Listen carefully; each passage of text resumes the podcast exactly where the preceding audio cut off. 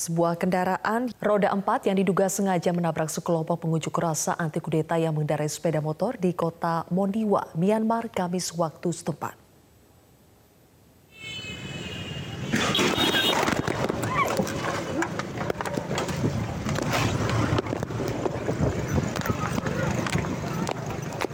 Dari rekaman video yang diambil oleh salah satu pengunjuk rasa menunjukkan sebuah mobil dari arah berlawanan menabrak sekelompok pengunjuk rasa yang tengah mengendarai sepeda motor sambil meneriakkan slogan anti kudeta.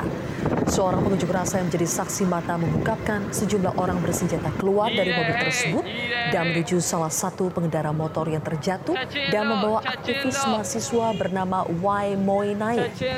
Saksi mengatakan Wai Moi Naing saat itu berusaha melarikan diri, namun akhirnya ia dibawa dan dimasukkan ke dalam mobil.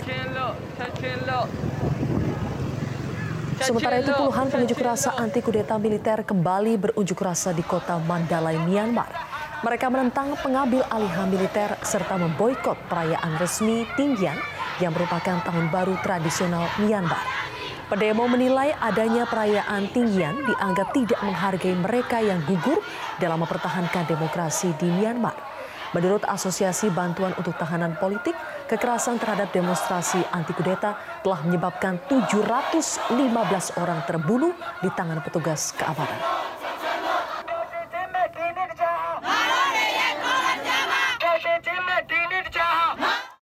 Sejumlah tenaga kerja Indonesia atau pekerja migran diduga menjadi korban pemerasan oknum usai menjalani isolasi mandiri di Wisma Karantina Pademangan Jakarta Pusat. Kepala BP2MI Beni Ramdhani menyatakan akan berkoordinasi dengan Panglima TNI untuk menindak tegas. Kepala BPMI mengungkapkan pihaknya mendapatkan laporan tindakan tidak menyenangkan terhadap pekerja migran di Wisma Karantina Pademangan Jakarta Pusat. BPMI akan bersikap tegas dan memilih untuk menempuh jalur hukum terhadap oknum yang melakukan pemerasan terhadap pekerja migran. Beni mengimbau kepada seluruh pekerja migran yang pulang dari luar negeri agar langsung mencari para petugas BP2MI di bandara untuk mengantarkan ke tempat karantina yang sudah disediakan negara tanpa dipungut biaya apa pun. BP2MI juga akan berkoordinasi dengan Panglima TNI Marsikal Hadi Cahyanto untuk mengevaluasi agar wisma karantina tidak disalahgunakan oleh oknum untuk memeras pekerja migran.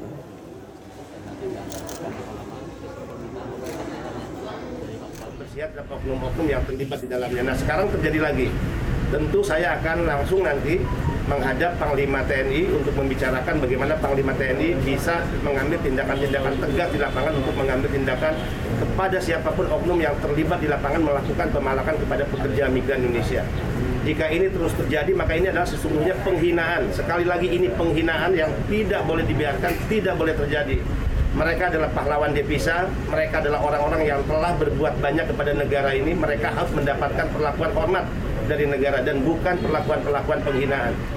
Nah, untuk para pekerja migran Indonesia yang tiba di tanah air, sebetulnya kita sudah menyiapkan para petugas kita BP2MI baik di bandara maupun Wisma Atlet.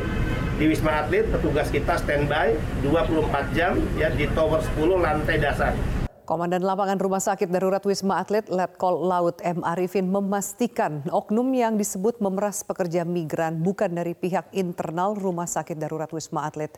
Arifin menyebut oknum yang diduga melakukan pemerasan justru para sopir travel liar yang mematok harga yang tidak wajar. Banyak TKI ya, TKI eh, pekerja migran asing yang memang mereka di karantina di sana terus kemudian pulang. Itu banyak travel liar kan gitu, ada yang di luar pagar itu yang mungkin itu yang harus nanti dievaluasi ditertibkan. Jadi kalau dari oknum sendiri ya sampai saat ini masih ditelusuri. Jadi eh, dan akan ditindaklanjuti laporan itu kan. Namun yang saya tangkap karena saya dulu pernah di sana juga awal-awal dulu ya memang ada laporan yang travel nakal lah gitu di jalan. Mereka menentukan harganya beda dengan yang di awal mau naik lah gitu. itu yang mungkin oknum-oknum travel travel lah ya mungkin travel travel liar itu tapi kalau dari institusi sendiri tidak ada. Pemirsa aksi balap liar usai sahur yang dilakukan anak muda di berbagai daerah kerap membuat resah pengguna jalan dan para orang tua. Seperti di Jambi, seorang emak-emak nekat membubarkan balapan liar dengan cara menghalangi menggunakan kursi panjang.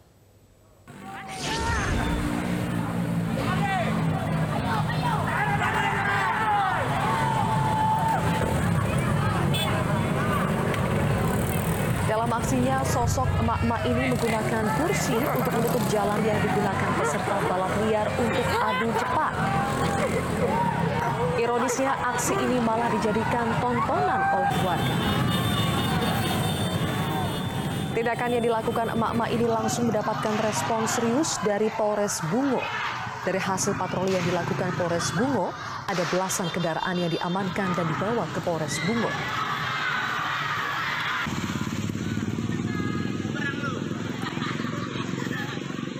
Memang waktu itu uh, pukul 06.00 mereka sudah kembali. Nah, namun seperti yang ada yang di video itu kejadian itu pukul 06.30. Jadi itu memang uh, tidak terantisipasi oleh kita. Namun setelah ada laporan bahwa masih ada uh, pemuda yang melakukan balap liar, kita ke sana lagi dan kita mengubarkan. Polisi terus menyelidiki kecelakaan yang melibatkan ambulans, mobil minibus, dan pesepeda di bawah di Sawah Besar, Jakarta Pusat. Dari hasil penyelidikan, polisi akhirnya menetapkan sopir ambulans berinisial AUA sebagai tersangka. Penetapan tersangka diungkap oleh Kasat Lantas Polres Metro Jakarta Pusat, Kompol Lili Sumarji. Lili memastikan sopir ambulans tidak dalam pengaruh alkohol saat tabrakan terjadi. Lili mengatakan insiden tersebut terjadi karena sopir ambulans menerobos lampu merah, kemudian menabrak kendaraan minibus yang berjalan dari arah Jalan Gunung Sahari. Rentetan tabrakan yang disebabkan oleh sopir ambulans kemudian mengenai pesepeda berinisial H yang berada di lokasi kejadian.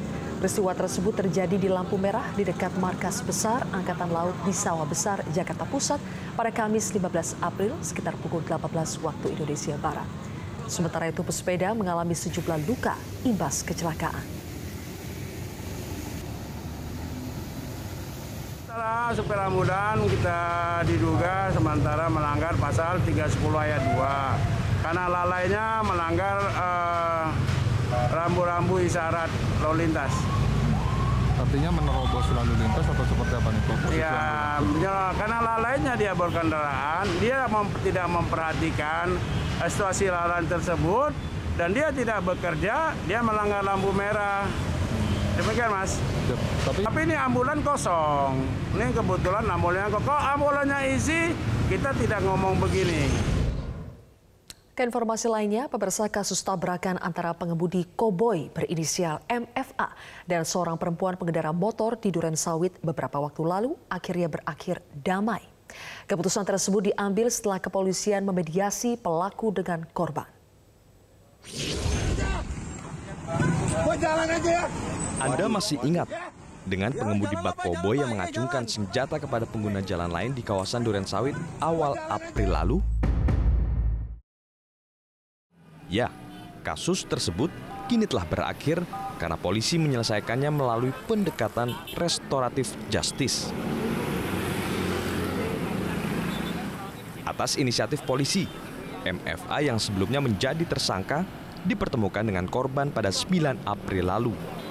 Pertemuan kedua pihak berlangsung di Satlantas Jakarta Timur. Di sana, pelaku meminta maaf kepada korban. Dari pertemuan tersebut, polisi lantas melakukan gelar perkara dan akhirnya disimpulkan kasus itu selesai dengan mediasi. Karena memang yang dipersangkakan di sini di pasal 30 ayat 2 di Undang-Undang Lalu Lintas yang memang adalah kecelakaan ringan.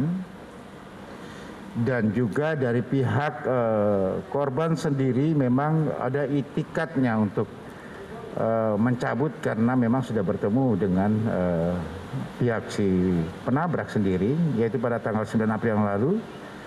Keduanya bertemu di Satlantas Jakarta Timur ya Kemudian eh, keduanya memang eh, berniat untuk yang satu mencabut, yang satu sudah meminta maaf.